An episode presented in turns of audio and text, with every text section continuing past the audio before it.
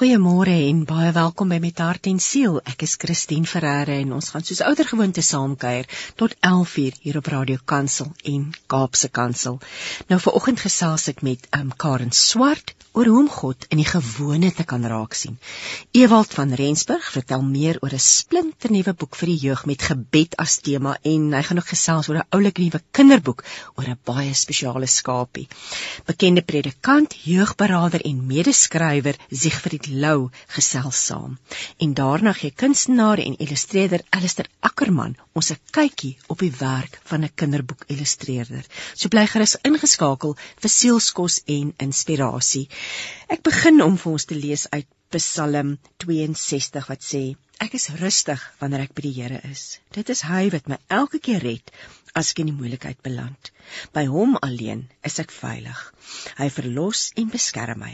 Al is ek in die moeilikheid, sal niks my ooit onderkry nie. En nou gesels ek met Karen Swart oor 'n baie interessante boek en um, ek dink 'n belangrike boek, God in die gewone gewaarwordinge van dinge wat ons nie kan sien nie. Hierdie boek word uitgegee deur Barnabas Uitgewers. Môre Karen. Môre. Hoe gaan dit daar? ja nee, dit gaan goed, dankie. Karen, Ek dink ons moet sommer begin en jy moet vir ons asseblief ietsie meer oor jouself vertel. Um, ek weet jy's een van 4 dogters en jou pa is in 'n vroeë ouderdom oorlede.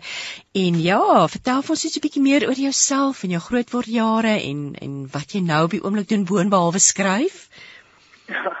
Nee, ehm um, ek het wel my grootword jare, ek het in eh uh, KwaZulu-Natal, Durban, ek se Durban nie, ek het daar groot geword. So my my lewe het nog al 'n paadjie gevolg.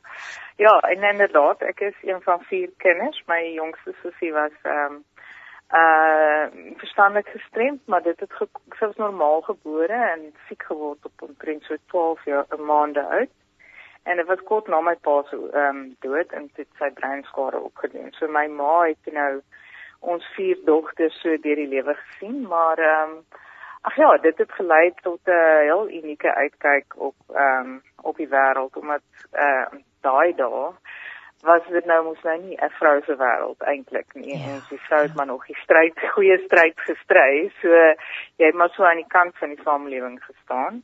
Ja, en ek het toe ehm um, later universiteit toe gegaan en ek wou eintlik nie gegaan het nie want my ma was net onderwyseres en uh vir onderwyseres om vier dogters deur die universiteit sit was ehm uh, ek meen dit is amper onmoontlikheid. So toe het ek 'n uh, ehm um, onderwysbeurs gekry en ek is ehm um, ek het maar Stellenbosch toe om onderwys te gaan studeer, maar toe ek by die universiteit kom, het ek nou hierdie keuse tussen wat gaan nou daai vyfde vak wees? Gaan dit nou Duits wees of godsdienstwetenskap of Bybelkunde en daai daai?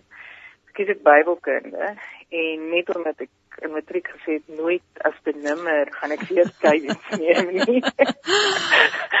en uh, die uit die nou hier is nou waar my my paadjie eintlik begin het loop ook want ehm um, die ironie is dat ek geniet toe na die Bybelwetenskap so baie dat ek aangaan en 'n uh, meestersgraad in uh, in Nuwe Testament doen. En dit maak toe dat ek 'n beurs kry om in Duitsland te gaan studeer. En uh ja, so dit is nie ironie, die ding wat jy altyd sweer jy nooit gaan doen nie, daai en neem die Here jou dan nou spesifiek, so jy kan nooit sê wat goed is vir jou of nie. Ek het uiteindelik te vertrou met drie kinders en ehm um, ja, so ons het letterlik oral gebly van KwaZulu-Natal tot in Pretoria en in die Kaap en Duitsland, Noorwe, oralste. En ehm um, op so 43 jarige ouderdom het ek borskanker gekry. Dit was 'n besondere interessante tyd en weer eens ek in daai tyd nou al van half gedwing om anders te kyk na die lewe.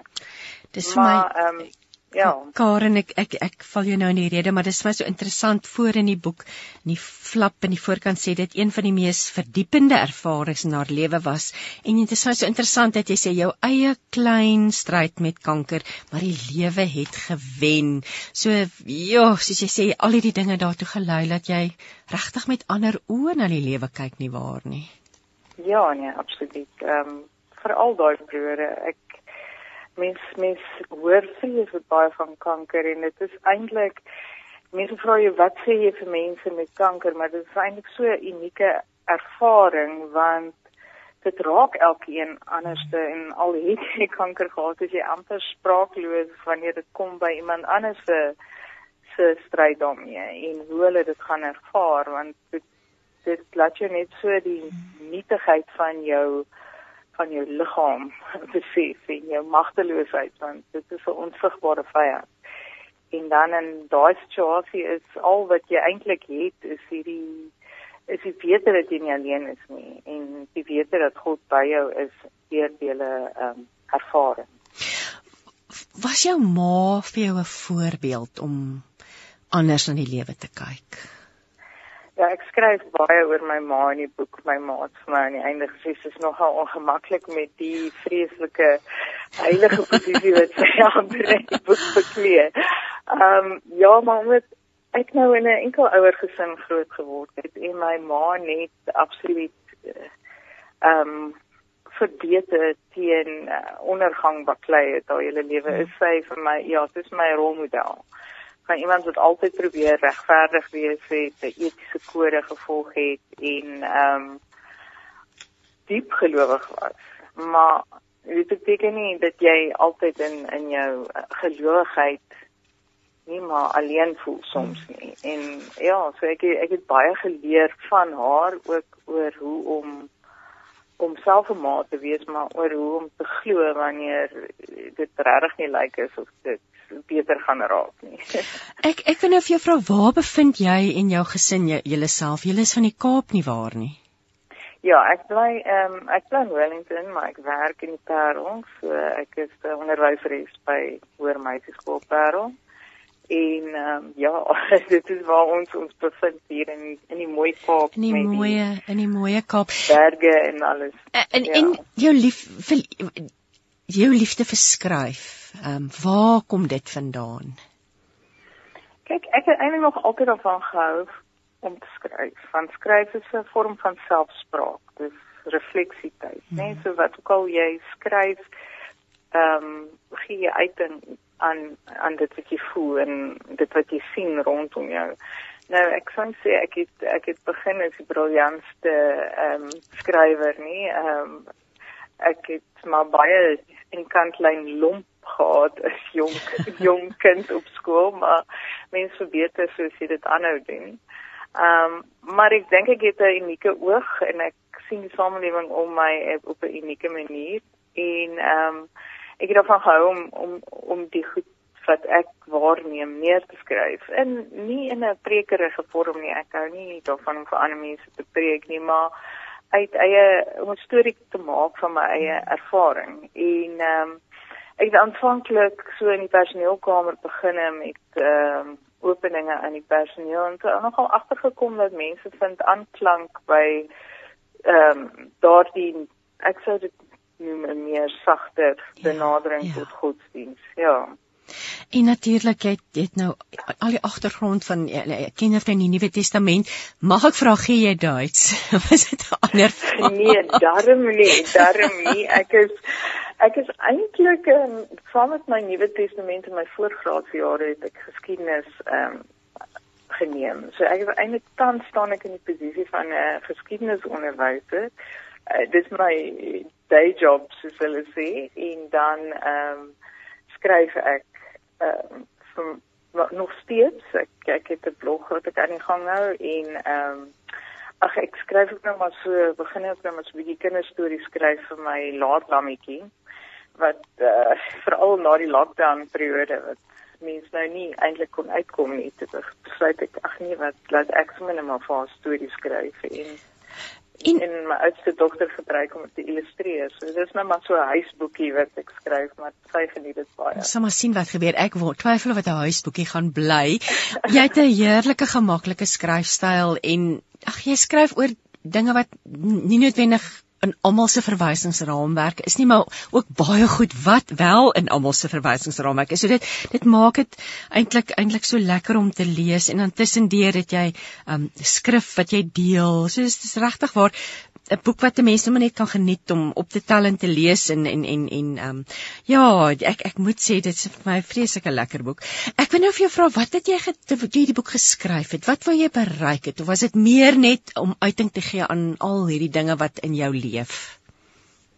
Ehm um, natuurlik is dit laatnoemde om uiting te gee daaraan, maar dit is eintlik nie net dit nie. Ehm um, ek het dit eintlik geskryf omdat uh laat ek nou sien omdat ek voel jy weet die wêreld waarin ons staan ja.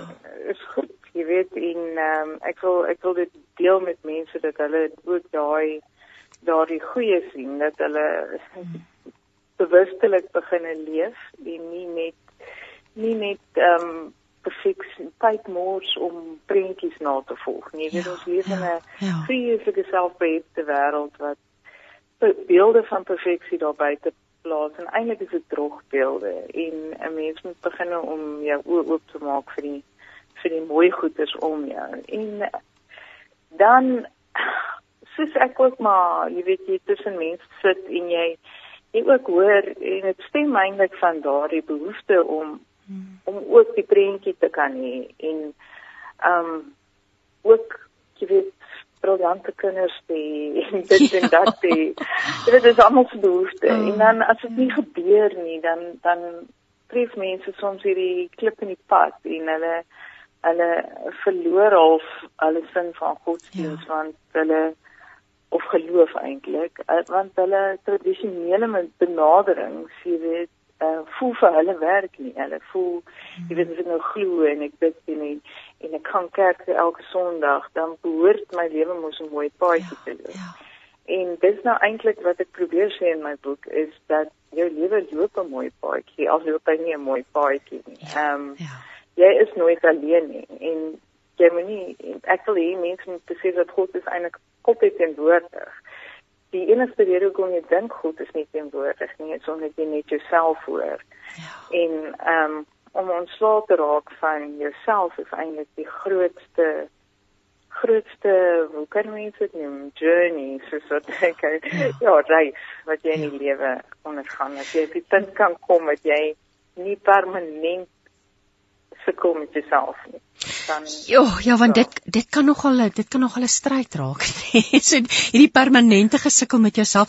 Daar's my twee goed. Ek die boek is boek is in 2020 reeds gepubliseer vir die eerste keer en ons is deur hierdie 2 jaar en daar't soveel meer klem gekom op om in die nou te leef, om in die oomblik, die mm. teenwoordigheid. So hierdie boek is eintlik so gepas vir die tyd wat ons nou in leef. En dit is my so mooi dit sê op die agterblad soms al is al wat dit verg om God te sien, om stil te staan en te sien hoe daar in jou lewe vir jou gesorg is. Hoe slegte tye oorleefbaar gemaak is en hoe God altyd net daardie misterieuse teenwoordigheid was met wie jy gestry het, met wat jy ontken het, maar wat jou nooit verlaat het nie. Ek dink daai woorde is ontsettend gepas vir die tyd wat ons nou in leef. Um so jy eintlik 'n stukkie goud hier wat jy wat jy raak raak skryf of raak getrap het en aan aan aan lesers bied. Maar ek wil nou vir jou vra rondom dis my so mooi dat jy sê dis nie in die asemrowende ag ekskuus tog dis nie in die asemrowende nie maar in die gewone wat die wonderwerk van die gelewe lê. Nou jy het nou so ietsie gedeel van jou eie lewe al, maar ek wil nou vir jou vra, hoe lyk die gewone waarin jy dan die asemrowende God raak sien? Ehm um,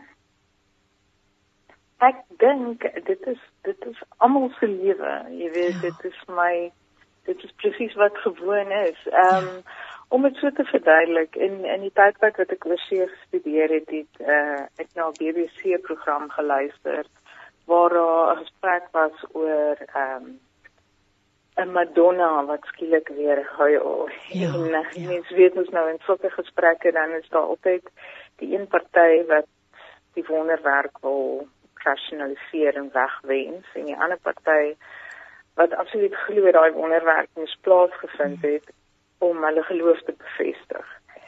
En toe op die program self het 'n Katolieke priester gepraat en hy het gesê ehm um, wat hom so frustreer wanneer dit kom by hierdie tipe gesprekke is dat mense ehm um, so soek vir hierdie alsemrowende wonderwerke dat hulle ehm um, die alledaagse wonderwerke soos 'n kindergeboorte en ehm um, jy weet samesyn en so aan heeltemal mis. En daardie gedagte van van die priester by my ehm um, weer klink. En dit dit ek meen nooit so laat nie. Ek meen dit is nou amper seker 30 jaar later. En uh ek dink in my lewe is vir my is die mooi goed is my kinders is my man is so so snaakse dingetjies jy weet wat hulle wat hulle laat 'n rol speel in ander mense se lewens.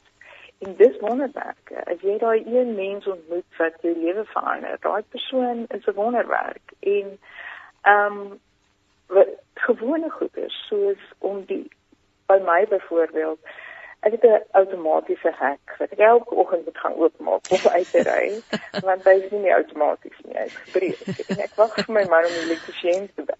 Wel natuurlik kom hy daar uit want ons ja ons ja geen en weer. Maar ek voel nou al daai gebreekte outomatiese hek is eh, is vir my belangrik in my lewe want as ek opstap in die oggend en ek maak die hekke toe en keer terug maak die hekke toe dan kyk ek oor die Wellington se berge uit. En elke oggend vertel daai berge 'n uh, ander storie, maar elke oggend is die boodskap wat dit vir my gee. Dit is letterlik 'n gesprek met God, want die boodskap wat dit vir my gee is hou klaar, kyk om jou heen, God wakker. Dis is 'n ehm dit sentreer jou. Dit maak maak jou gefokus en stel alles in perspektief. So vir my vir my is die kommunikasie en gewone goeders is die goed wat jy by verbyry. Dis die mense wat in 'n in 'n in 'n 'n trok voor jou sit en vir jou kyk en skielik glimlag. Dit ja, dit vir ja. my die wonderwerke. Oek, jy skryf dit so mooi. Sommige al in die inleiding sê jy Ek sou wou hê dat ons soos die psalmdigter in Psalm 104 die wêreld om ons waarneem, sien hoe dit geskep is en weet dat in alles God daar is. En daarom het ek begin skryf oor my gewaarwordinge en sieninge. Ek het woorde op 'n rasionele ek het in woorde op 'n rasionele manier die teenwoordigheid van God in my lewe in ons lewe probeer skets. En dan is dit so mooi wat jy dan praat oor die godsdiensidioom kan oor mense waai soos 'n tornado en hulle kan verward en en hulle verward en vernietig agterlaat praat. Die ironie is dat as daardie tornado verby is en jy dink God is vir die voëls, is God steeds daar met die voëls. Hy kom tik tik teen jou venster en roep jou om op te staan. Hy's in die gekraak van die tafel, soos jy in jou gesin aansit vir 'n feesmaal. God is daar, hy's nie weg nie, hy's in die gewone. Oeg, dit is pragtig, Karen. En ek Dankie. Ek ek wil nou ook vir jou vra want daar's 'n klomp geloofsboodskappe in in hierdie boek vervat. Is daar dalk enkeles wat jy met ons wil deel? Ehm um, ja, ek ek soos ek reeds gesê het, is is een van die een van die goed vir my is ehm um, dat die skepping goed gemaak is en dat 'n mens generaal verlustig en ehm um, vir my byvoorbeeld is die skepingsverhale is iets waarna ek eintlik in my boek baie na teruggaan om en as ek praat van die skepingsverhale dan praat ek nou van die eerste twee skepingsverhale en dan die een in, in Psalm 104. Ehm um, en ek gebruik dit eintlik om vir my om God se sorg, al die moeite wat hy daarin gesit het om ons te maak en ons is mense en natuur en alles. Is net awesome rowend die detail wat wat in ons skepping ingegaan het in elke mens en ons ons moet dit geniet. En dan is die skepingsverhale en die skepping en die bewussyn van die skepping is my ba belangrik want dit leer ons oor ouerskap goeie ouerskap um, om vir jou kinders alles te bied en hulle dan te vertrou maar dan ook die seer van ouerskap wat jou kinders jou verwerp of nie jou besluit te eer nie. Maar en dit bring dan wat ek so eintlik in my godsdienstbelewing waardeer van van uh die pad wat Jesus gestap het en wat ons in die Ou Testament leer is ook dis ook 'n God van ruimte jy moet kan kies wat jy jy moet God self kies Anders hmm. is daar geen waarde daarin nie en dit kry jy ook in in die skepingsverhale. En dan ehm um, die hele boodskap dat godsdienst is of jou ervaring van God is nie 'n uh, onmiddellike bevredigende jy kry nie onmiddellik wat jy wil hê nie. Ja. Ehm um, soms gaan dit swaar. Ja. jy weet in ehm um, maar swaar is nie sleg nie. Swaar is is is nog 'n kans. Swaar is 'n uh, pad wat jy stap in en nou swaar is daar tog immers mooi momente en ek dink veral in die, in die laaste 2 jaar wat ons almal so swaar gekry het en mense verloor het, maar hoe die lewe nou as gevolg daarvan soveel meer smaak gekry het. Jy weet, jy jy, jy proe dit. Jy staan langs die sportveld, jou ehm um, omgee oor jou kinders, die onderwysstelsel en kos. Alles het, het meer smaak omdat jy swaar gekry het. Jy weet, en dit sou nie daar gewees het andersins. So daai waardering wat ons wat ons eintlik aangeleer het in hierdie laaste ruk wat ons dinge wat ons hmm. net as vanselfsprekend aanvaar het wat toe net nie meer daar was nie nê. Ek ek wil nou ek dink nou aan dis nie noodwendig mense is nie noodwendig ingestel op die alledaagse en die gewone nie. Alhoewel daar lê so 'n groot stuk wonderlikheid daar. Dis juist waaroor jy skryf wat hoeveel van dit moet 'n mens inoefen en hoeveel dissipline moet jy aan die dag lê um, om om so bewustelik te lewe om om om om God regtig in alles te kan raak sien.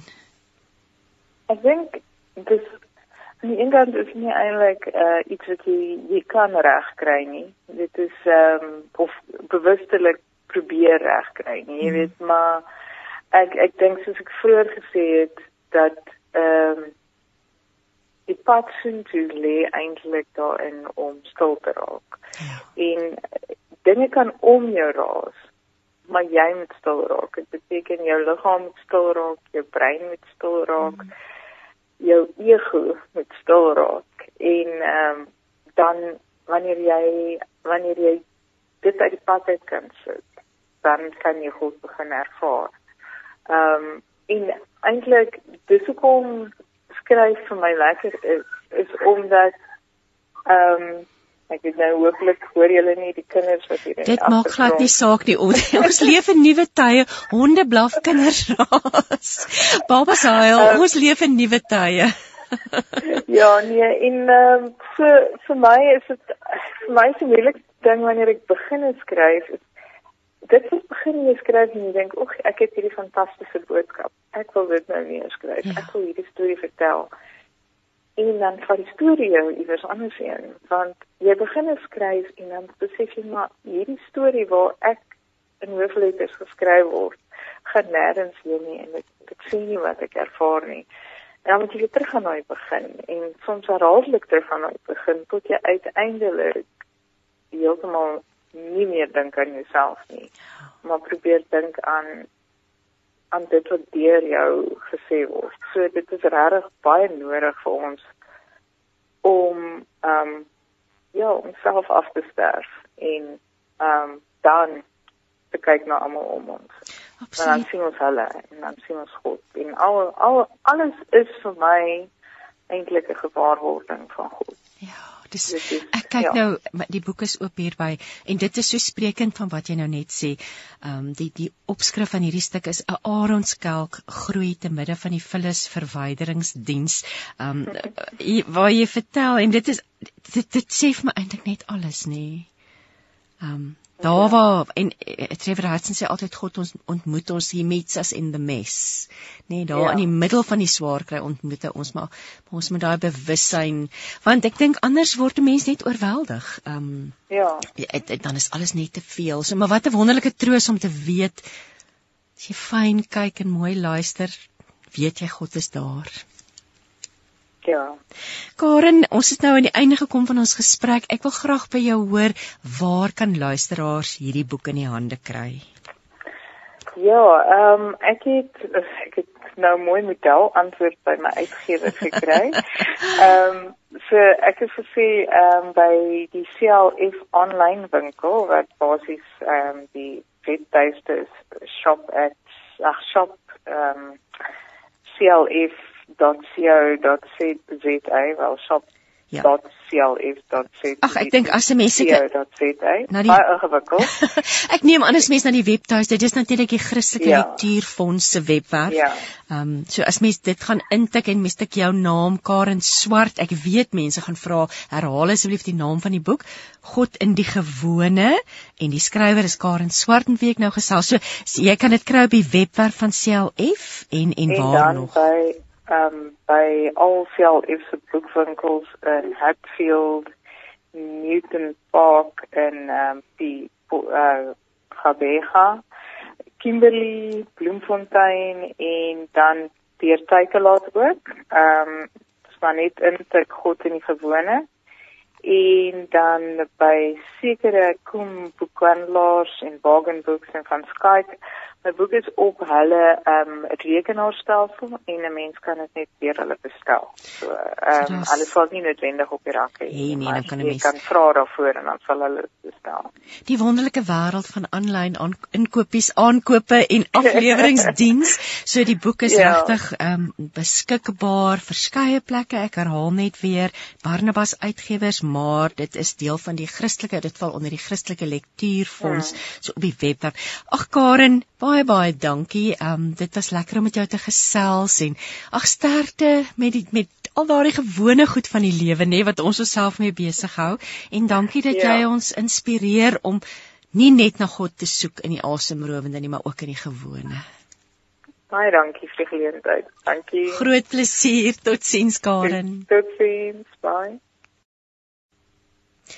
Ons bly in die wêreld van boeke en ek gaan nou gesels met bekende skrywer Ewald van Rensburg oor 'n boek vir die jeug met gebed as tema en die titel van die boek is Aangenaamsdal se geheim baie van gebed wat na God lei. Nou Ewald het hierdie boek in samewerking met Siegfried Lou geskryf. Ons gaan net nou met hom gesels en die illustrasies is deur Alistair Ackerman.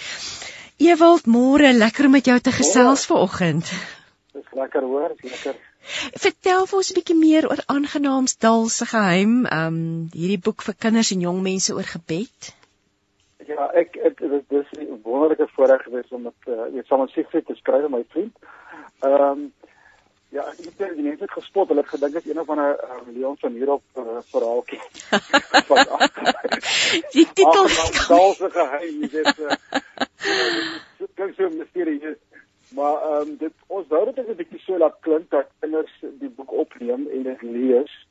Ehm um, uh, sodat daar daar is so 'n bietjie van 'n mysterie in die boek. Ehm um, en die die die hele ding gaan oor ons het ons het dor, dorpie geskep wat nie bestaan nie. Hulle mense moet dit gaan soek op die kaartie. Hy is nie so plek nie. Ehm um, en ons het uh, gedink uh, om 'n paar karakters te kry wat daar bly en hulle is almal vriende en hulle bly in die verskillende kant van die spoorlyn wil ek amper sê. En dan uh, is daar 'n ouma en oupa wat uh, soort van hulle omgee uh, wat self die kinders het nie maar hulle soort van behandel hulle almal in dorp as kinders. En dan is eintlik deur die boek probeer Christine eintlik om al die issues of die die al die, die, die groot issues wat uh, wat kinders mee sukkel soos bullying of egskeiding of sulke goeters dit is op die tafel weer plaas En dan het ons probeer um, uh, om met psalms uit die Bybel vir kinders te help om te sê, weet jy, as jy hierdie goed sukkel, ehm um, hier is 'n psalm wat jy kan bid wat jou kan help. Ehm um, maar dit die verloop is dus vervolgverhaal. Uh, daar's 'n storie wat vertel word. Ehm um, en dan ehm um, uit die storie uit is daar iets wat hulle sou kan doen ehm um, toepassing oor die psalm is. Ehm um, en die karakter wat hulle so van die gang nou is die oupa wat en die ouma wat baie soort van gelowig is en die ehm um, uh, ja, vertel hulle wat die Bybel sê oor alles. Jy praat nou van die probleme en dit is nogal ek wil nou vra watter ouderdomsgroep het jy geteken met hierdie boek? Weet jy ons het maar gedink ehm um, hier van 8 tot 12 het ons maar gedink. Ehm um, is is, is meer meer by ouer kinders, maar met die ouer kinders sal altyd kyk ons maar op en dink hulle kan ook so iets lees. So dit was ons het, ons het baie eenvoudig weer maak, maar dat is dat die storielyn maklik geleesbaar is En Ellis se se illustrasies is is regtig kleurvol en en fantasties. Ons het ook met hom gesit, het terloops. Ons het met hom gesit en ehm um, en hy het en ons saam met hom vertel hoe hoe, hoe ons dink die dorpie moet wees sodat as die so die kinders kry in die begin van die boek as ek dit reg kan onthou, is daar is daar 'n kaart waar almal bly. Ehm um, uh, oupa lag en ouma lief. Uh, hulle bly op 'n sekere plek en dan kan die kinders met die kaart agterkom maar weet daar hulle nou na toe op pad. Dit is wat gebeur. Ehm um, so dit regtig ons probeer eintlik dat die kinders inklim binne in die Bybel met hierdie storie. Dit is gebeur dit. Hoorie Ek kyk nou ek kyk nou na die karakters en is regtig dit is 'n vrolike boek en pragtig geïllustreer. Die karakters is daar's Megan, en dis asof jy regtig die spektrum van van jong kinders dek. Megan wat jy sê gesels, sy sê gesels, sy praat te vinnig.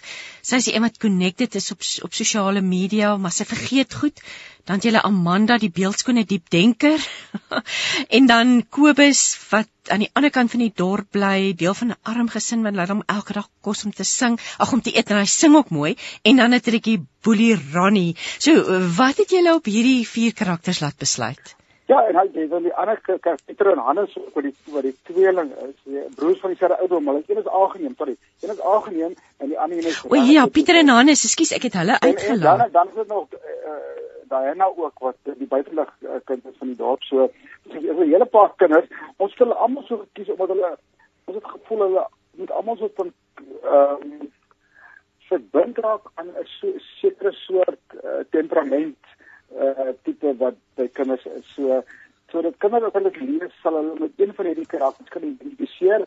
Uh miskien twee miskien drie maar die ander karakters sal hulle definitief van weet ook. So ehm um, of of bevriend wees mee. So dit is hoekom ons dit so gekies het. Dit is moontlik.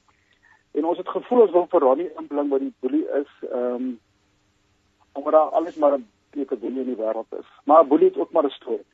En dit is wat ons ehm um, graag daarmee ook ons sê, weet jy, kry ook 'n hart vir hulle. Ehm um, die boelie het stories daarom boelie hulle. Dis die ja. waarheid, nê. Nee, ja, dit. Ja. Kom ons kom ons praat 'n bietjie oor want hulle ontdek dan natuurlik nou die as jy sê die woord hierdie die die die bidboek wat hulle dan ontdek. So dit is die ja. avontuur wat dan daarin eh, of wat so mooi daarin uitgeskryf word. Maar kom ons praat bietjie oor die lesse. Daar's sekere lesse wat jy graag wil hê kinders moet oor gebed leer want dit dis 'n boek oor gebed. Paaie van gebed wat na God lei is die subtitel. Ja. Dit is eintlik 'n boek oor gebed wat ons dan op 'n kreatiewe manier op die tafel wil pas. So wat ons gedoen het, ons het uh, letterlik as ek wil sê as jy as jy as jy bekommerd is oor goeders, ehm um, uh, iets pla jou, dan ehm um, dan het ons 'n gebed gekry wat wat daarbey pas so en dan het ons so van 'n geselsheid gehad. 'n Goed wat jy moet weet uh, om te doen en dan die bidtyd self wat ons dan die psalm tot van oorgeskryf het uh, geparafraseer het in in in kinder uh, weet in kindervriendelike taal. En dan is daar so van so dinge so uitstaan en sê dit is wat jy kan saamvat met jou. So so ons begin met Psalm 1 natuurlik om te sê Psalm 1 vertel vir jou wie wie se beheer. Ehm um, dan uh, het ons ook gehad uh, die ou wat die rugby span ehm um, in Psalm 139 waar ons sê nie bekommerd wees oor die Here dit alles van jou. En so ons het probeer dit al omdat ons kom ek sê so Christus ek praat nou baie. Maak nie saak nie, dis wonderlik. So kyk die die Psalms is die gebeureboek van die Bybel. Ja. En ons wil eintlik vir kinders sê, weet jy, as jy soms nie woorde het om te bid nie. Dan gaan jy die Psalms doen. Ja. En en en lees dit vir die Here. En daar's verskillende soorte Psalms. Psalms wat jou opgewonde maak, wat jou vreugde bring, daar's ook psalms wat donker is wat vir jou help en jy weet nie met jou so goed gaan nie wat jou woorde gee as jy nie woorde het nie. En ek dink dit is dit is wat kom ons jy sê psalms kies om sodat ons daardie vir kinders wil sê die Bybel help jou om vir jou woorde te gee om te bid as jy uh, meer as net dankie wil sê. Uh weer as net wil die Here wil loof en prys. Daar is die die die, die, die, die psalms is aktuele gebeure elke dag se probleme elke dag se goeders. So dis so kosbaar. Dit is wat ons weer doen het hoor. En ek Diana is die kind wat uh, in 'n huis bly waar waar byvoorbeeld waar egskeiding op die tafel ja. is die moontlikheid bestaan en ons het gevoel ons ons die ons wil niks regsit vir die kinders en sê ons weet julle is leef in 'n wêreld wat soms nie maklik is nie. Uh, en nou met COVID dink ek die boek nog meer pas oor die boek nog meer afskeel want ons het gesien waar die kinders gaan juis uh, met die uh, COVID-19 pandemie en nou waar ons in post-pandemie is, hmm. is, is, is, is dit nog steeds seker goed is op die tafel. Absoluut, is eintlik dit kom eintlik so sterk na vore nou nê, want nou is alles behoort nou normaal te wees, maar dit is nog nie. Ehm um, dis em, veral emosioneel en hoe mense voel. Ek ek is nou ek het oopgemaak hier op op ehm um, op Diana se vrae en jy lê daar Psalm 23 en dit is so mooi julle die geselstyd um, en dan die bidtyd. So aan die einde van elke hoofstuk daag julle die kinders dan uit om 'n bietjie verder of nooi hulle. Dis nie daag nie, dis dis baie sag gedoen. Julle nooi hulle dan uit om verder te gaan delf ja. Oor die oor die dinge. En en kinders praat nie soos ons nou maar weet nie noodwendig altyd met hulle ouers oor die dinge wat hulle plan nie, nê? Ja, nee, nie verseker nie. En en dit is hierdie is dis hoekom die ouers uiteindelik met hulle kinders kon sa kan saam ja, um, ja, lees. Uh, en dat dit 'n soort van amper gespreksgeleentheid kan wees vir vir ouers en kinders om mee te gepraat. Wat goed moeilik is. Ehm um, ja, dit is Maar dan dan stel die dinge mos op die ding op die tafel. Ek sê wonder van stories mos. Stories is mos vir blindelingse vertelling. So jy lees dit en dan vang jy omkant. Skielik dink jy, "O, okay, dit gaan net oor my." Ehm um, so dis maar wat die boek wil doen. Dis my mooi. Ek kry 'n nuwe lewe. Absoluut. Ek, ja. En ek sê by by by Ronnie se slegte dag en dis nou hy so mooi Ehm um, daar het jy Psalm 142, soos jy sê in in in kindertaal geskryf, maar dis dis pragtig. Dis nie dis nie eenvoudig of of swak manier. Dit's wonderlik geskryf. Maar dan vra jy hulle watter dinge maak jou moedeloos? Skryf nou jou eie psalmgebed daaroor dan en dit is so mooi. Dan sê jy begin jou gebed so: Here, ek is bly dat U weet waar ek gaan as ek moedeloos is. Ek is en raak moedeloos wanneer. Dan sit lekker uit die kinders. Ek dink groot mense moet hierdie boek ook koop en lees Ewald. ja, dit is wat eintlik is soos ek sê, ons skryf maar so dat uh, dat almal dit kan lees. Uh, nee, ja, ek... Maar die hele gedagte is dat daar ehm um, 'n uh, uh, koneksie kan wees tussen volwassenes en kinders. Dit is belangrik. Dit is dringend nodig om te weet dat ja. die tyd dat ons kinders kan ons moet kom en met ons goed kan oor praat. Maar soms het ons ook nie as volwassenes nie al die woorde of ons weet nie eintlik hoe nie en, en die boek wil maar net so van sê hier is vir ietsie miskien kan dit jou help om 'n gesprek te gaan met kinders uh, oor goed wat hulle pla. Ewald, kom ons beweeg aan na die volgende boek. Jy's uh, jy's 'n baie produktiewe skrywer en uh, hierdie is 'n oulike boek met die naam van Fletcher vra hoekom. Dis die storie van 'n spesiale skapie. Um hierdie boek is vir 'n jonger ouderdom geskik nie waar? Ja, ja, nee, dit is vir 'n jonger ouderdom, ja. Dis vir die heel ou kleintjies bedoel. Maar ja, vertel Ja, kleintjies en vir die en miskien die eerste lees ook al. Dit is baie maklik om vir daai eerste leesfase om op dit te kry. Vertel ons meer oor hierdie pragtige boek en ook die geloofstema wat dan in hierdie boek um, aangespreek word vir kleingoed. Ja, Christine, weet jy, ek daar het 'n bietjie agtergrond daaraan. Ek het ehm um, was baie jare terug het ons ehm um, saam met vriende gaan rondloop daar in Skotland se wêreld. En ehm um, en dit het daar in die, in die, in die lakes gedeelte gekom wat net so voor Skotland is uh, van Engeland en daar stap ek rond en daar sien ek swart skapies. en ek vra hulle uit daaroor en hulle sê, "Maar moenie worry nie, daai swart skapies is daai wit skapies." Dis net die babatjies, hulle word wit. Ag, en toe stap ek rond en dink ek, "Ja, hier is mos nou 'n storie hier." Um, ja, presies die lelike eentjie nê, nee, die wat is so. Ja, dit is ja. dit. Weet jy, ja. dit was my en toe ek begin en toe ek teruggekom en en en en en ek my dogter vertel ehm um, wat vandag Jonas is so so so paar vertel dit is nou hier weet ek is nou met 3 jaar ek ja. en toe sê dit toe eendag toe kom ehm um, ek by die huis aan toe sê uh, so in ruim begin skryf aan iets. En sy sê dink ons moet die die die die, die skaap uh, Fletcher doen en toe uh, toe begin ons toe gaan sit ons in in, in want ons het altyd lief vir. Lewis so toe dog ons okay uh, kom ons kyk of ons iets met uh, kan daai ry uh, uh, lyn kan kry nie en ook uh, Dr. Zeus so 'n tipe ehm um, uh stories wat met alles met ruimte te doen het en toe begin ons hierdie ding werk oor Iemand wat hoekom vra? Hoekom is ek so? Ehm um, hoekom is ander mense anderste en en dan al die goed waartoe hulle gaan. En ons het uh, probeer om te sê dat jy mag maar hoekom vra. Ehm um, want ehm um, dis goed om vrae te vra, maar uit vrae uit kan jy antwoorde kry. En dis maar eintlik die hele ding, hoekom ek julle vra, hoekom vra jy? Dis 'n goeie vraag, weet jy. So ek vra julle vra oor sekere goeders en dan op die einde probeer as dit wat deurbring op 'n baie eenvoudige manier waar 'n groter herder is wat jou help in die lewe. En ehm um, en dan en in die lewe wonderlik inkleur. Ehm um, en en en en so afsluit met, met met alles in die lewe het God 'n plan.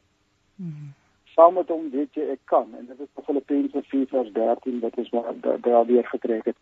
En ehm um, en om te weet op die einde die bottom line van die storie is om dat God moeilik en mooi verander. Hy kan.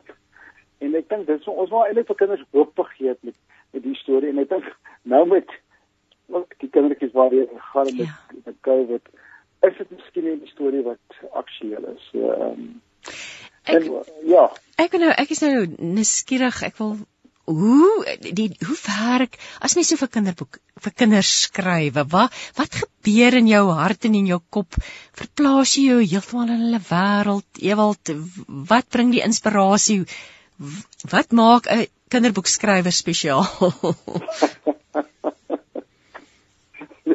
Okay, die eerste ding wat jy weet, jy gaan nie geld maak nie. Ek spot nou eintlik. Weet jy, weet jy, ehm um, ek het jare jare jare gelede besluit. Ehm uh, daar's genoeg mense wat in volwassenes werk. Ek uh, wil sê Jesus maar net ehm um, laat die kinders aan my toe kom. So ek voel ek ek wil met kinders werk en vir hulle ehm um, op hulle vlak ehm um, stories, daar's ons Jesus stories ek. Mm. Dit dit is maar die bottom. My dogter volg my daar. Uh, ek het sy het ons saam dit geskryf. Ehm um, so vir my hoe ek doen is ek klim ek in as 'n is is uh, ek dink hoe sal hulle dink? Maar die eerste ding wat ek altyd sê vir mense, mense mense moet regtig regtig vir kinders lief hê. Ja. Ehm um, jy, jy moet jy moet ehm um, dit is nie een van 'n ek wil amper sê vertoning wat jy lewe met kinders. Jy moet kinders moet regtig mm. kyk hulle kyk mos maar deur jou. Ja. Of jy nie hier besig is om 'n vertoning te lewer nie.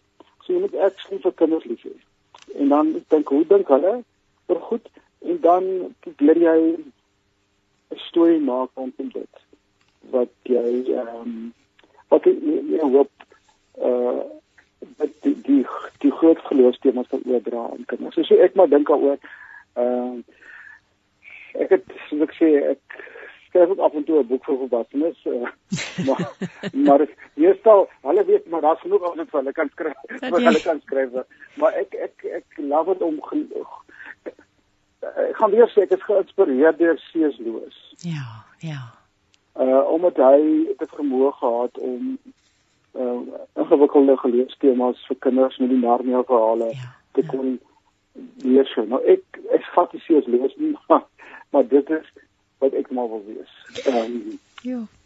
Dis om en dan net jou ek wil jou agtergrond as predikant en dan jou liefde vir kinders, dit maak dit die perfekte kombinasie.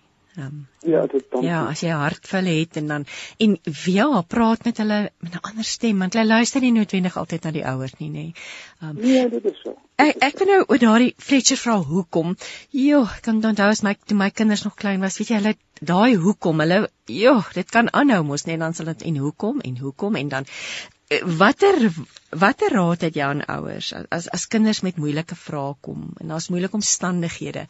Hoe behoort hulle dit te benader? Gaan kan ek 'n storie eers vertel dan Jy kan, jy kan met liefde.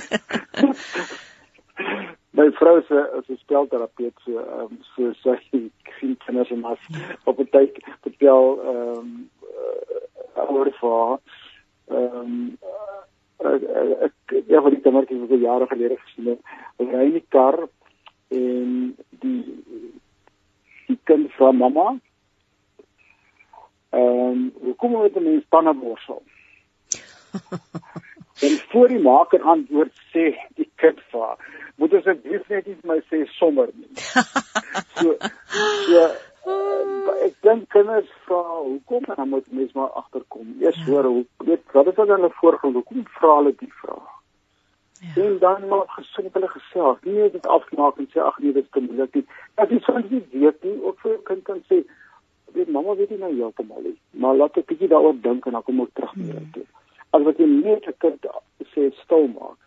Want daai ding lê waarskynlik daai vraag is omdat daar iets ek soms kan kinders nie hulle emosies laat verwoord nie. So as hulle vra vraag, maar dan moet jy maar probeer om om met hulle pad oor daai vraag te probeer en soms gaan dit lank vat voor jy ehm um, skien by sonder antwoord uitkom. Maar die vind dat die kind wil net weet hulle word gehoor. Ja. Dit is die belangrikste ehm um, ek is ek is ek is iemand wat gehoor word. Ja en nie net ja nie net moet net nie vir my sê sommer nie sommer nie jo Ewald sjo Ewald dit is nou so lekker gewees om met jou te gesels en jy sê jy werk nou weer aan 'n boek vir groot mense het ek nou dit reg gehoor nee nee weet jy ek ja ek ek, ek, ek bly maar in die kinderwêreld ehm um, ehm um, ek skryf af en toe vir groot mense maar nou oomblik is ek maar besig weer aan 'n ons het ek het so 'n Bybelprojek wat ek moet doen. Ek is so ehm um, so dit is dit dit dit is baie lekker. Ag. Maar mens kan hoor, mens kan hoor dis my iemand sy werk geniet en ek gaan nou nou vir Siegfried vra was dit saam met jou te skryf. hoe Ja, ja.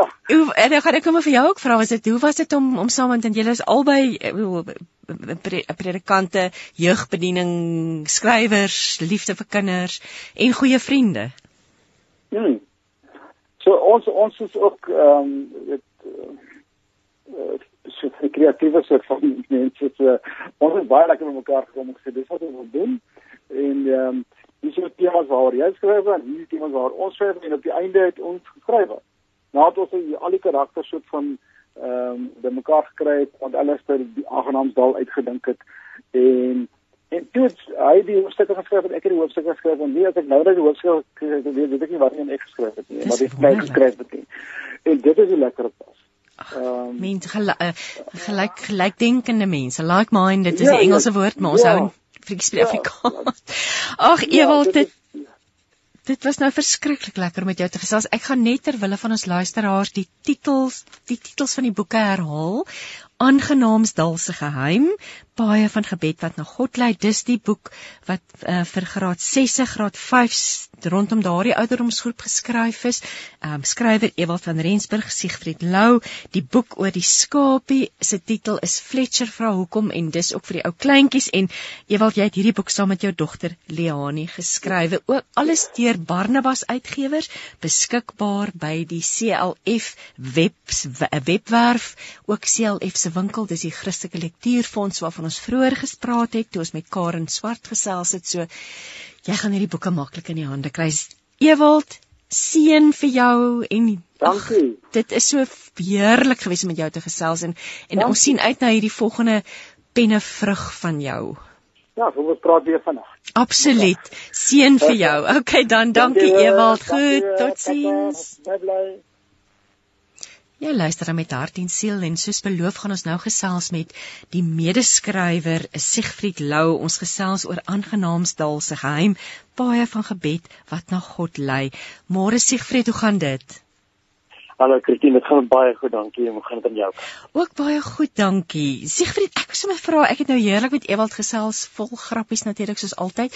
Um en lekker gelag oor al die dinge van die lewe en van kinders. Wat was jou aandeel in die skryf van hierdie boek?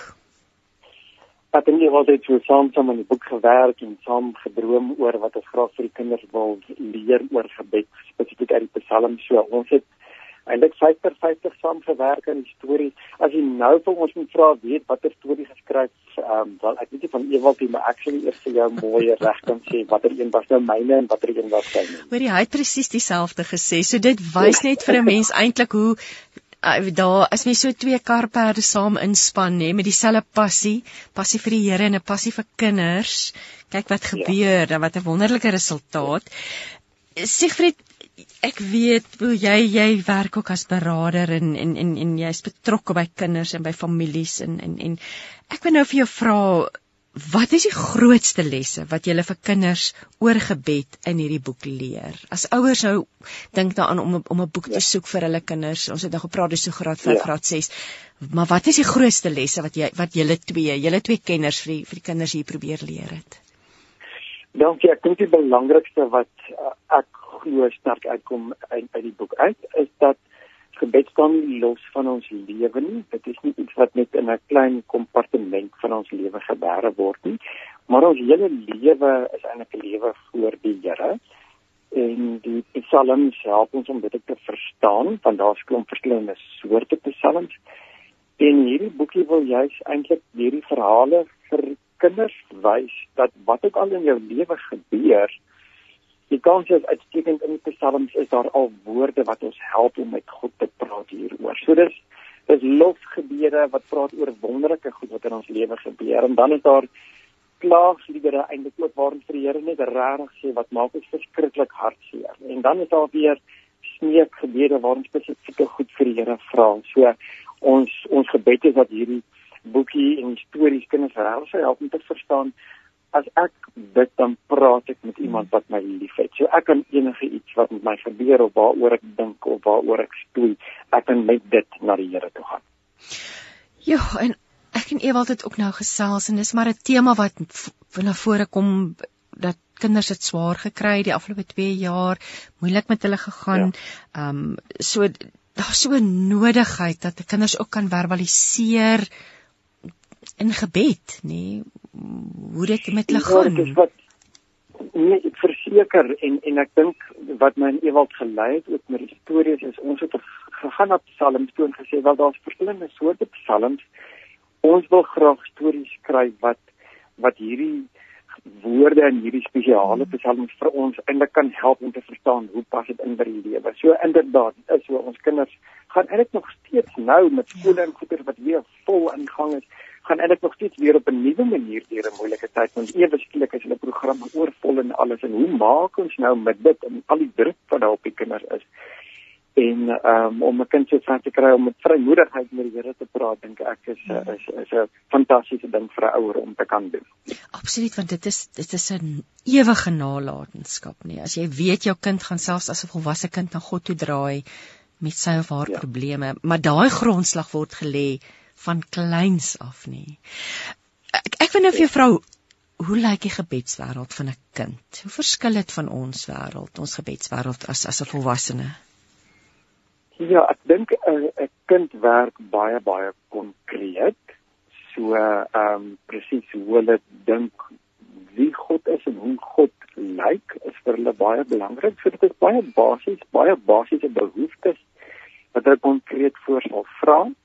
Ehm um, en om konkreet te kan sê ek is bang vir hierdie of hierdie of daar's 'n maatjie by die skool wat my boelie help my pas my asseblief op.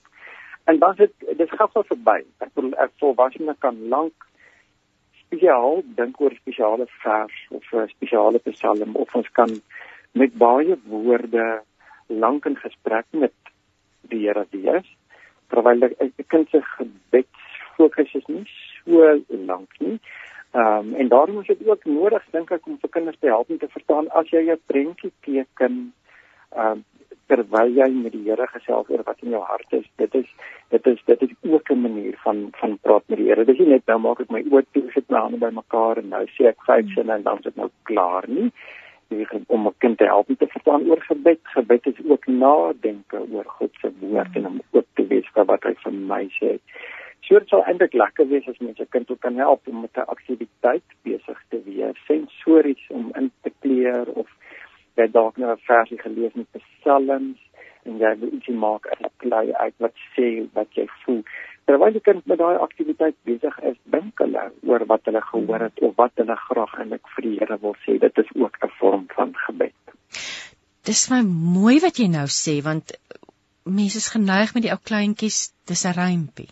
Nee, jy, ons begin maar almal ja. met 'n klein met rympie of bid vir hulle. Ja. Ehm um, ek het gevind met my kinders hulle hulle, hulle was hulle hou daarvan toe hulle veral toe hulle nou kleiner is nou groot volwasse volwasse manne. maar hulle was lief daar hulle het hou daarvan gehou het ons vir hulle bid. Ek dink dit het kinders ja. dat kinders verskriklik veilig voel as hulle ouers ja. vir hulle bid, nê. Nee. Ja, verseker, ek bedoel gebed is dis nie net iets wat jy vir kind leer en sê hoe moet dit doen. Dis nie net die woorde nie. Ek hou van die idee van reintjies, maar dit is hmm. ook mm. dit is ook vrolik op die oor eintlik. Ja. Maar uiteindelik ehm um, dink ek dit is wonderlik as jy voor jou kind kan bid en met eenvoudige taal vir die Here vra wat op jou hart is as ouer ook om in alle oprigtheid met God self te praat wanneer jy saam met jou kind bid. En as jou kind onseker voel dalk oor hoe om nou te bid of of, of wat om te sê, jy kan dalk voor die gebed sê, so ek wonder hoe voel jy na hierdie ding gebeur het vandag? Wat sal jy graag vir die Here wil vra? 'n Bietjie 'n gesprek te gaan met jou kind. Terloops is eintlik nogal 'n belangrike ding wat ons ook geleer is om te doen met hospitaalpastoraat. As mens by 'n pasiënt is, dan is dit belangrik dan ook om te vra, waarvoor kan ek vir jou bid? En dan kom daar vir dit wonderlike gesprekke uit. Dieselfde geld vir ons kinders. Waarvoor waarvoor wil jy hê moet pappa of mamma vanaand vir jou bid? En dan is dit 'n oomblik om 'n bietjie te kan gesels.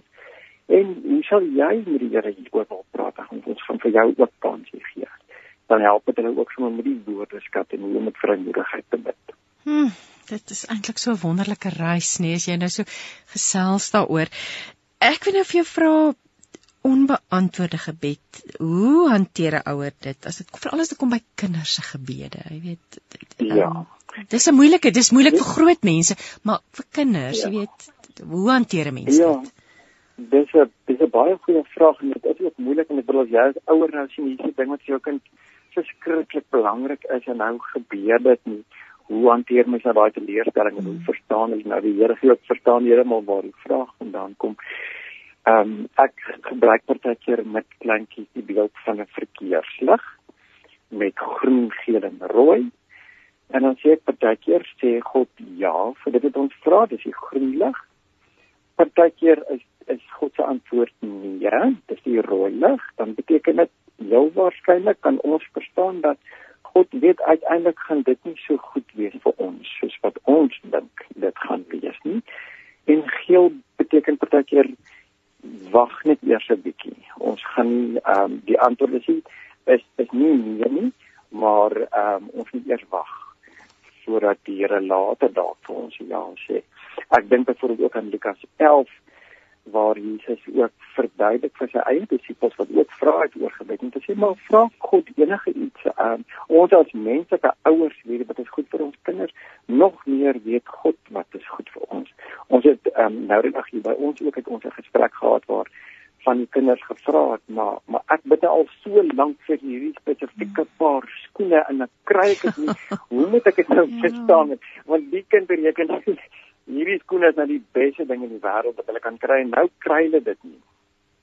En toe het my kollega ook sommer met, met die kinders sommer net 'n bietjie gesels gesê, "Wel, kom ons dink nog 'n bietjie verder. Hier is nog mense wat gebid het vir 'n uh, familielid om gesond te word ja. en dit het nie gebeur nie."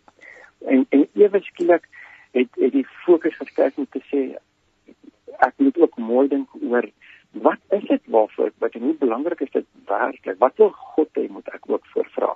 Maar in kort help dit my om om net vir met 'n kind te gesels oor die drie klere van 'n verkeerslig en dan om te sê ek vertrou nog steeds die Here om vir my te gee wat die beste is vir my. In aangenaamsdal spreek julle op wel verskillende dinge in waaroor kinders hulle ook bekommer want ek dink Ons as groot mense is so besig in ons eie wêreld dikwels besig om te werk en te voorsien en kos te maak en al die dinge wat daarmee saamgaan. Ons nie besef dat kinders het ook 'n tipe van 'n angs oor wat in die wêreld aan die gang is ja. vir al op die oomblik. Ons dis aardverwarming en die kinders word baie daaraan blootgestel by die skole in terme van ja. hulle moet hierdie dinge weet, maar daar's tog ook by hulle 'n sin van bekommernis. Wat wat kan jy hieroor sê? Hoe hanteer ons dit by ons kinders?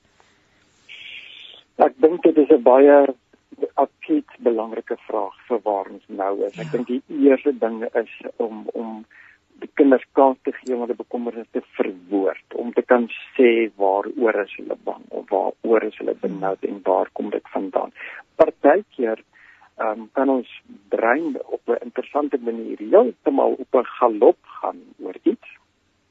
En die goed waar ons glad nie beheer het nie, ons die hele tyd ehm um, maak. Ja. En partykeer is dit doodrustige gesprek daaroor al klaar iets om ons te help om te besef wel dit help nie regtig ek is bekommerd hieroor nie sekere goed is binne my verantwoordelikheid en kan ek iets aan doen en ander goed nie en uh dan is dit eintlik juist fantasties as jy as jy jou kind se ver kry om 'n bietjie te gesels oor wat is die goed waar hulle bekommerd is eintlik as ouer ook sommer 'n bietjie sê waaroor jy goed waaroor jy self ook 'n bietjie ja. bekommerd is. Ja.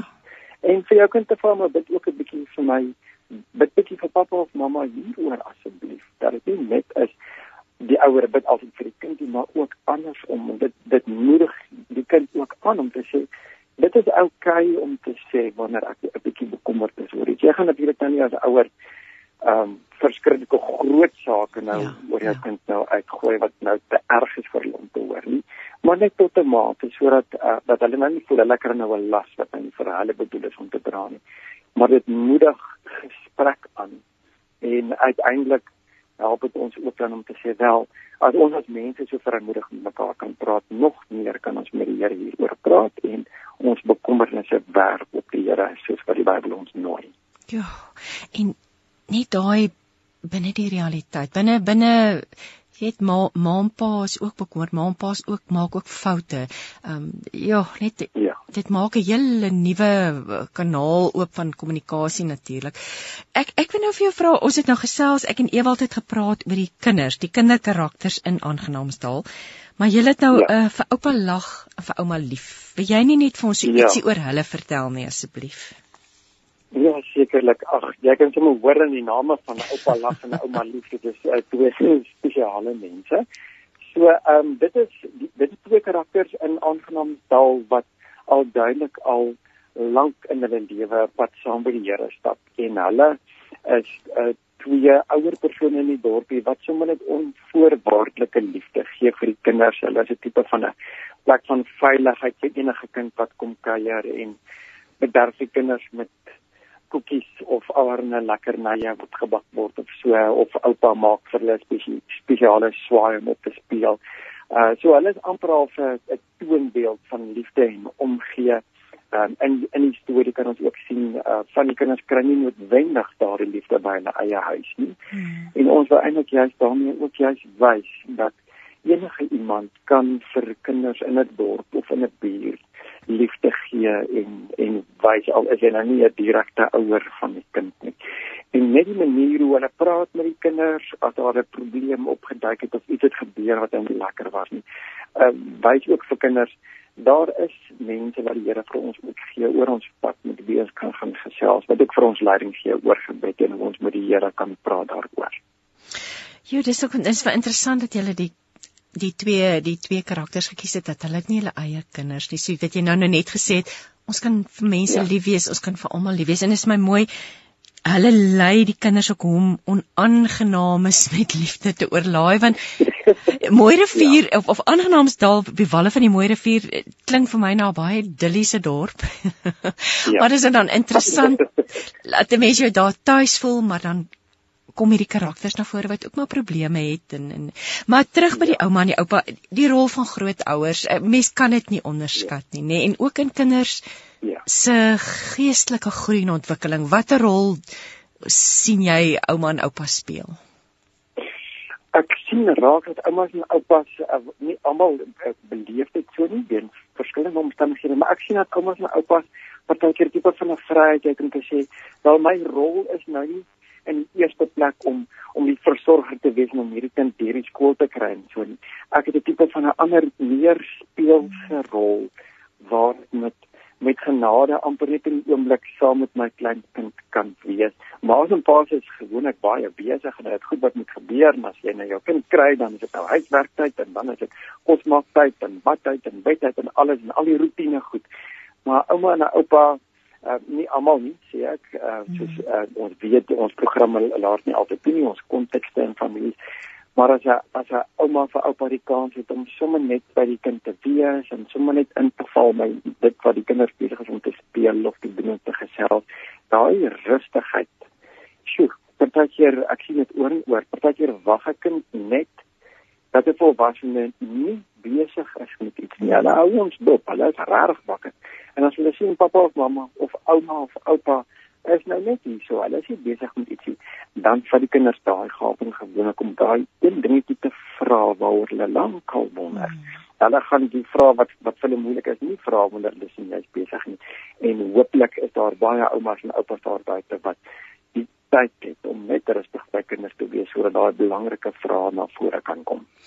Sjoe, Siefred, ek wil nou ook oor iets anders vra wat eintlik so aktueel en 'n werklikheid is, is as ouma en oupa op Skype woon, kinders wat klein kinders ja. wat ver is. Ek ek het nou 'n paar vriendinne wat in die situasie is dat of die kinders woon oor see ja. of hulle woon oor see en watse raad het jy vir vir iemand wat in so 'n situasie leef met hulle kleinkinders saam? Ja, sure. Ek dink die die belangrike ding net daar is dat dit is 'n voordeel om deur Skype of Zoom of so hmm. ehm um, jy kan kyk hoe lyk jou kinders en hulle kan fisies by jou op wees. Ek dink uh om om dit ook as 'n kuier geleentheid te kan uh probeer ontgin om te om te sê maar ek het ek het nou iets wat tyd om 'n bietjie met jou te gesels. Ek gaan so ver kan hier nou na jou luister en sommer vir jou vertel ook wat in my lewe aangaan. Maar vra vir die kind om vir jou te wys ook. As die kind nie net met jou praat oor wat hulle doen nie, maar hulle vir jou wys kyk so net die huiswerk wat ons moet doen of hier is die prentjie wat ek moes geteken het. Ehm uh, maar jy kan soveel as moontlik van sy of haar lewenswêreld ook vir jou wys dat jy kan sien en dat hulle daardie kontak uh, wat oor baie af ver afstand heen wat nog steeds kan gebeur dat jy dit absoluut as 'n veilige ruimte kan beleef.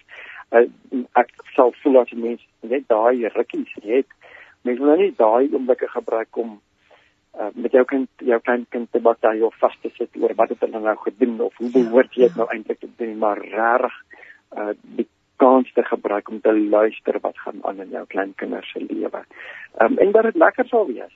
Ehm um, jy as as as jou data dit toelaat op jou internet laat dit weer toe. Lees 'n bietjie van 'n storie en vertel vir hulle iets wat snaaks is wat gebeur het in jou lewe.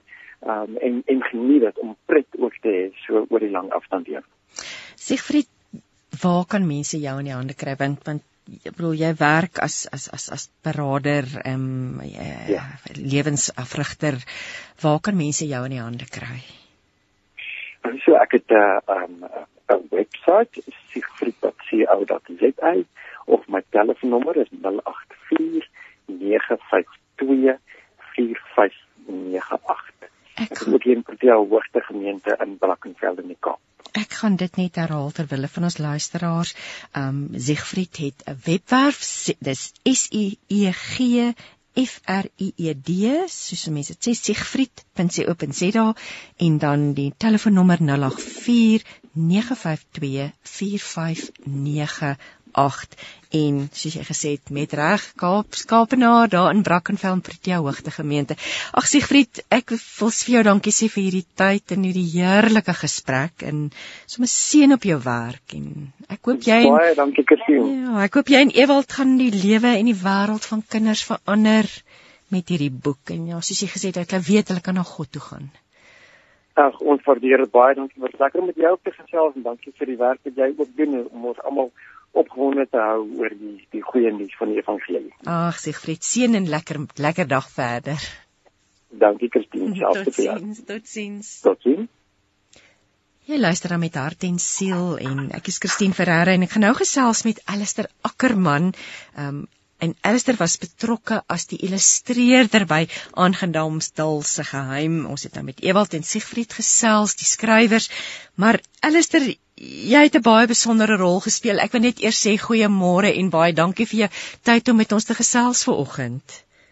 Baie dankie dat ek saam kan gesels. Wat jy was betrokke as die illustreerder. So, ehm, um, jo, dis 'n klink na 'n vreeslike lekker werk, 'n wonderlike wêreld om jouself in te bevind. En dit lyk vir my jy fokus veral op kinder en op kundige materiaal. So, ek gaan nou sommer begin en vir jou vra, hoe benader mens as kunstenaar so 'n projek? Ehm um, wel ek dink die eerste ding wat ek doen is jy lees hom oor en oor en oor en oor. Ehm um, net om seker te maak dat jy op dieselfde bladsy ja. is as die skrywers.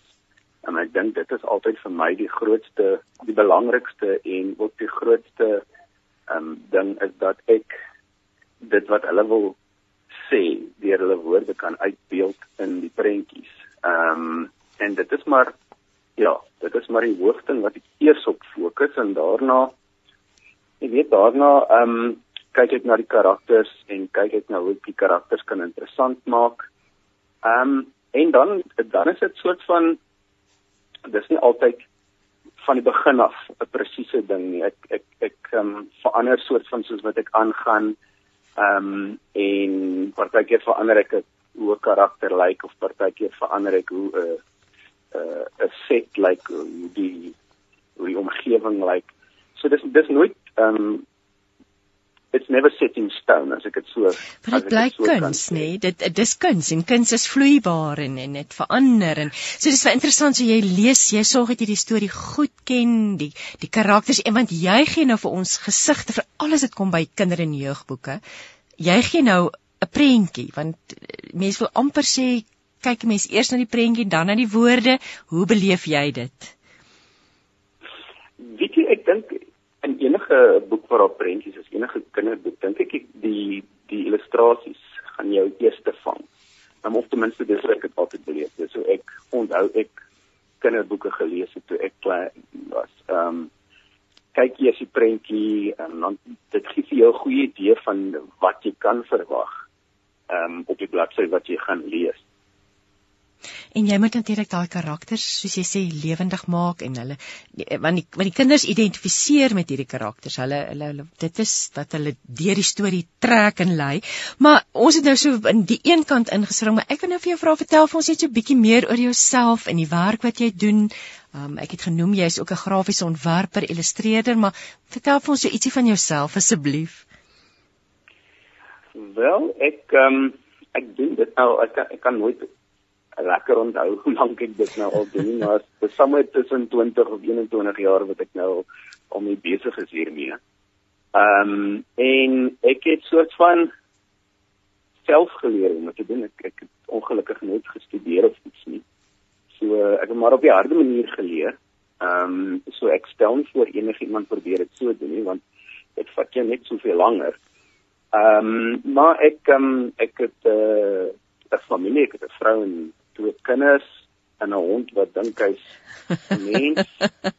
Ehm um, en ja, dis wat ek doen. Ek bedoel, vir mense kan sê hulle kan prentjies inkeer heeldag lank. Ehm um, en iemand betaal hulle daarvoor. Dit het jy as kind, so, waar het hierdie liefde van die vandaan gekom? Het jy as kind so begin prentjies teken? Weet jy van ek kan onthou het ek het ek prentjies geteken en ehm um, ek onthou op dis snaaks dat mense kan onthou ek het al kleuter ons ou kleuterskool ehm um, die juffrou vir my gesê jy's like iets anders as cowboys teken. Ehm um, so ek het altyd soort van cowboys of ehm um, wat nie hulle ruimtevaders of sulke goed geteken en solank as wat ek kan onthou, het ek maar 'n uh, 'n potlood in die hand. Ehm um, en ek het ek kan nie vir jou sê ek het ek het nooit gedink dit is wat ek gaan doen as 'n as 'n beroep nie. Dit het nou maar later na skool eers eers gekom en ehm um, ja, was as ek nou die somme moet doen, gaan ek nou jok maar hier in vroeë 20 sit ek het ek agtergekom, weet jy wat dit sal nog hulle 'n lekker werk is om te doen en dit het nou maar ehm um, begin om 'n paar prente saam te stel en uit te stuur en ek was ehm um, ek was baie geseënd om binne 'n week het is iemand vir my my eerste ehm um, projek gegee en van daar af is dit ja, van daar af is dit nou maar geskiedenis. Alistair sê ek wil nou vir jou vra as dit kom by die illustrasies. Jy het uit die aard van die saak soos enige kunstenaar 'n spesifieke styl. Ehm um, so so die uitgewers of skies dan jou op grond seker van jou styl neem ek aan of pas jy die styl maar aan by verskillende stories. Hoe werk dit? Weet ja, het maar spesifieke styl. Ehm um, wat dis moeilik om te sê wat dit is, is somewhere tussen ehm um, realisties en en cartoony. Ehm um, maar dit is nou maar 'n styl wat wat soort van met die jare en soort onbewustelik ehm um, ja, ehm um, ontwikkel het. Ehm um, soort van deel dit het maar gekom deur die verskillende projekte en ek hou nooit daarvan om terug te gaan en te kyk wat ek gedoen het nie want dink ek ag nee jy kon dit beter gedoen het. Ehm um, en so so so 'n wikkelde styl maar en omdat dit baie opvoedkundige boeke ook doen is daar 'n sekere 'n sekere manier wat ek geteken het en dit het nou maar net ontwikkel en die invloede van die dinge wat ek kyk. Ek is mal oor animasie flieks en ek is mal oor comics en sulke goed en dit het alles maar 'n uh, 'n inspraak in hoe jy op die einde van die dag teken. Maar dit is ook iets wat ehm um, wat dieselfde bly nie. Dit dit ontwikkel ook maar soos wat jy aangaan en soos wat jy ouer raak en ehm um, jy kry maniere om iets beter te doen ehm um, of jy raak maar net beter. Kom ek um, ek wil nou vir jou vra wat dit, dit ek het al met baie skrywers gesels, maar ek het eintlik nog nooit gesels met iemand wat 'n kinderboek illustreer nie, besef ek nou. Maar en die skrywer sê altyd dit is harde werk, jy moet jouself dissiplineer, jy moet gaan sit en jy moet skryf. Nou ek wil nou vir jou vra, hoe lyk 'n dag in jou lewe rondom hierdie werk wat jy doen? Wel, dit hang net maar af waar in die projek ek is. Kan ek aan die begin van die projek sit jy nou aan die begin van die projek is daar baie min tekens daar's. Daar's ja. maar ehm um, lees deur en maak seker jy verstaan wat daar is. Ehm um, en dan afhangende of dit nou 'n boek is, as dit 'n boek is, dan sal ek die bladsye uitlei en sê okay, dis hoeveel bladsye wat ek het en dit is wat moet gebeur op elke bladsy. En maak ek so klein, so klein sketsie en net sodat ek weet min of meer die storie verloop wat ek wil hê dit moet verloop en dan as daai beplanning klaar is dan sit nou maar elke dag sit jy met 'n bladsy of twee ehm um, en jy probeer wel nommer 1 laat alles min of meer dieselfde lyk like. jy kan begin met 'n boek en aan die ja. einde van die boek lyk like, ja. heeltemal anders nie so ehm um, so dis maar voor die rekenaar sit en teken en uitvee, baie baie uitvee en leesteken. en uiteindelik as jy dink dit lyk min of meer oukei, okay, dan begin ek om inkleer. Ehm um, ja. Uh maar baie van wat ek doen, ja, baie van wat ek doen, doen ek maar oor en oor en oor tot dit reg is. Klink in elk geval vir my vreeslik lekker om heeldag te sit en kreatief te wees. Ek wil nou vir jou vra, kom ons praat 'n bietjie want uit die aard van die saak daar's die heeltyd het jy jou gehoor in gedagtes. So ehm um, jy is heeltyd maar bewus van die boodskap wat oorgedra gaan word deur hierdie boek. Ja. Kom ons praat 'n bietjie net oor die krag van kuns en van kreatiwiteit in 'n kind se lewe. Oek, dit is 'n groot ding. Ehm um, nommer 1 'n kind is soos 'n spons as jy vir hulle ehm um, so iets laat doen of as jy vir hulle iets laat kyk wat wat kunstig of kreatief is. Ek bedoel dit dit hulle sout dit in en dit raak deel van hulle en ek bedoel die Here het ons geskep met 'n ja. met 'n die ability om te kan um skep. En hy het alles geskep en hy het dit amazing geskep en deel daarvan is binne in ons. Um so ek dink dit is dit is 'n enorme ding en dit is ook soos wat die jare aangaan het ek ook agtergekom dis nie net jy weet as ou dink aan kind en kreatief dan dink jy gewoonlik maar aan teken of verf, mm. stuk papier of 'n 'n portret of so iets en ek kom agter, weet jy, daar's kunstenaars kreatiwiteit in enigiets. Ehm um, jy weet party mense kyk jy na en hulle like kunstig en dit jy voel hulle moet verf spatsels oor al die hele vloer en mure hê soos wat hulle te kere gaan. Ehm um, maar dan kry jy iemand wat hulle lyk like, glad nie asof hulle so is nie. Hulle kom nie so voor nie, maar daar's so daar's 'n kreatiwiteit in in ingenieurswese, daar's 'n kreatiwiteit in kos maak. So dat da, maak jy saak waar nie daar's 'n kreatiwiteit. Ehm um, en ek sal vir ure lank daaroor kan praat. Ehm um, maar ek dink ek het ek het agtergekom, weet jy wat as jy as jy kyk na 'n kind, nie net dink kreatief op een manier nie. As hy hmm. Blokkies bou, Lego, kus mal oor Lego. Maar as jy enorme kreatiwiteit daar agter. Ehm um, as iemand wiskunde kind mal is oor wiskunde, nou ek is nou nie groot uh, wiskunde ou nie, maar daar's 'n kreatiwiteit daar agter ook. So ek dink um 'n mens moet en ek dink as ouer moet jy jy het 'n idee van jou kreatiwiteit. Um en jy moet ja, jy kan dit ontwikkel en jy kan maar jy moet ook soort van terug kan staan en kan sê, "Jesus, wat het my kind uh, of wat het die kinders om my? Hoe hoe beeld hulle kreatiwiteit uit van hulle kant af?" ek onthou my dogtertjie is baie meer daai verspatsel tipe ehm um, kreatief en toe sy wat 2 of 3 was toe besluit sy sy verf um, met yoghurt in 'n venster. Ehm um, ek het prentjies geverf daar waar my my seun is is baie meer soos ek ehm um, baie ehm um, baie meer gedetailleerd en baie meer ehm um, spesifiek oor wat ons wil teken. So uh, sy sy sy manier van kreatief wees is nou weer anderster. Ehm um, so ja, ek dink op die einde van die dag wat ek probeer sê is ek ek um, dit is so belangrik om 'n kind se kreatiwiteit te ontwikkel. Ehm um, en terselfdertyd is dit so belangrik om te kan ehm um, sien wat hoe daai kind se hmm. amper sê is 'n kreatiwiteit wat daar opgesluit is binne in hulle lyk om dit gaan uit kan kom.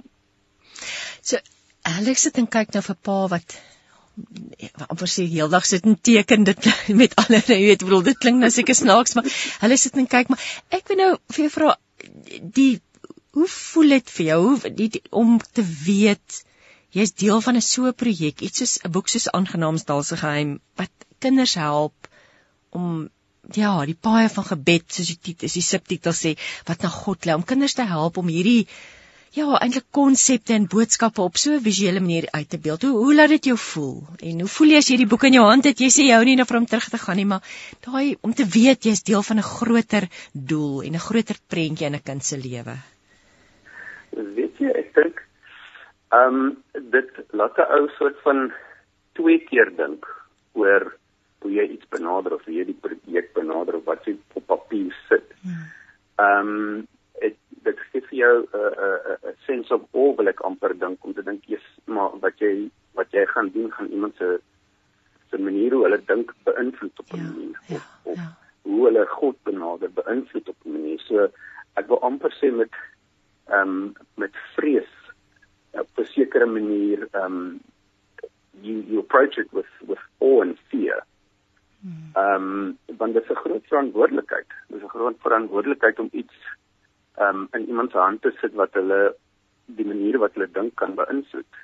Um, ek dink veral as dit kom by iemand se verhouding met die Here, hoe dit hulle verhouding met die Here beïnvloed. So dit is dit is iets wat jy versigtig aanpak. Jo, dit is 'n wonderlike wonderlike voorreg om deel te kan wees van so 'n projek. As daar nou ouers is wat luister vir oggend en ehm um, hulle het vreeslike kunstige kinders wat dink, "Ag, dis wat ons graag met ons lewe sou wil doen." Watse raad het jy vir hulle? Laat hulle teken. Laat hulle teken, teken, teken. Hmm. Ehm um, en laat hulle laat hulle teken waarvoor hulle liefhet, maar moedig hulle aan om alles te teken.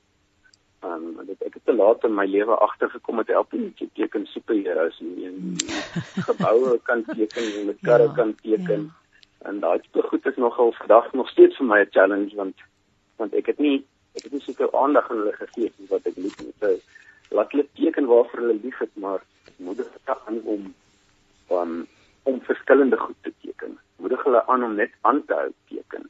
Ehm um, want dit is iets wat jy kan verloor as jy ophou. Ehm um, so hou net aan. Laat hulle teken ehm um, encourage hulle ehm um, encourage hulle nie net om te teken nie, maar in in dit om 'n liefde te te hou daarvoor. Um, ja. ja. En soos jy soos jy dit aan om om aan te gaan. Absoluut. En ja, moet dit nie onderdruk nie. Soos jy reg gesê het, ja. God het hierdie stukkie kreatiwiteit in elkeen van ons geplaas en en en, en dit is dis 'n gawe en is 'n talent wat mens tot eer van van hom kan gebruik nê. So. Ja, Ag, Alistair, ek wil vir jou verskriklik dankie. Sê sommer net so laaste vragie, waarmee is jy op die oomblik besig? Ehm, um, dit is maar altyd op kinderlike boeke. Dit op die einde van die dag is dit maar brood en botter. Ehm, um, daar is daar is nog 'n Bybelprojek van 'n uitsteller wat sy mee besig is en so een of twee ander goed. Ongelukkig kan hy nie praat vir die Nee, natuurlik nie. Ehm um, maar op die einde van die dag, op die einde van die dag ehm um, is baie maar van wat ek doen op verkundig en dit self is 'n voorreg, weet jy. Ja. Ja. Baie kere kan 'n ou nie, nie soveel inset insette in jou kind leer wat jy kan leer nie, maar hmm. bedoel as jy as jy 'n boek kan uitsit wat iemand gaan help om om iets in 'n lewe te kan leer dit is dit is lekker, dit is 'n voorreg. Ek stem daarmee 100% saam en ons is so dankbaar dat die Here jou met hierdie talent geseën het, Alistair. En ag, sommer net alles wat mooi is vir jou en jou gesin vorentoe en daai hond wat dink hy's 'n mens.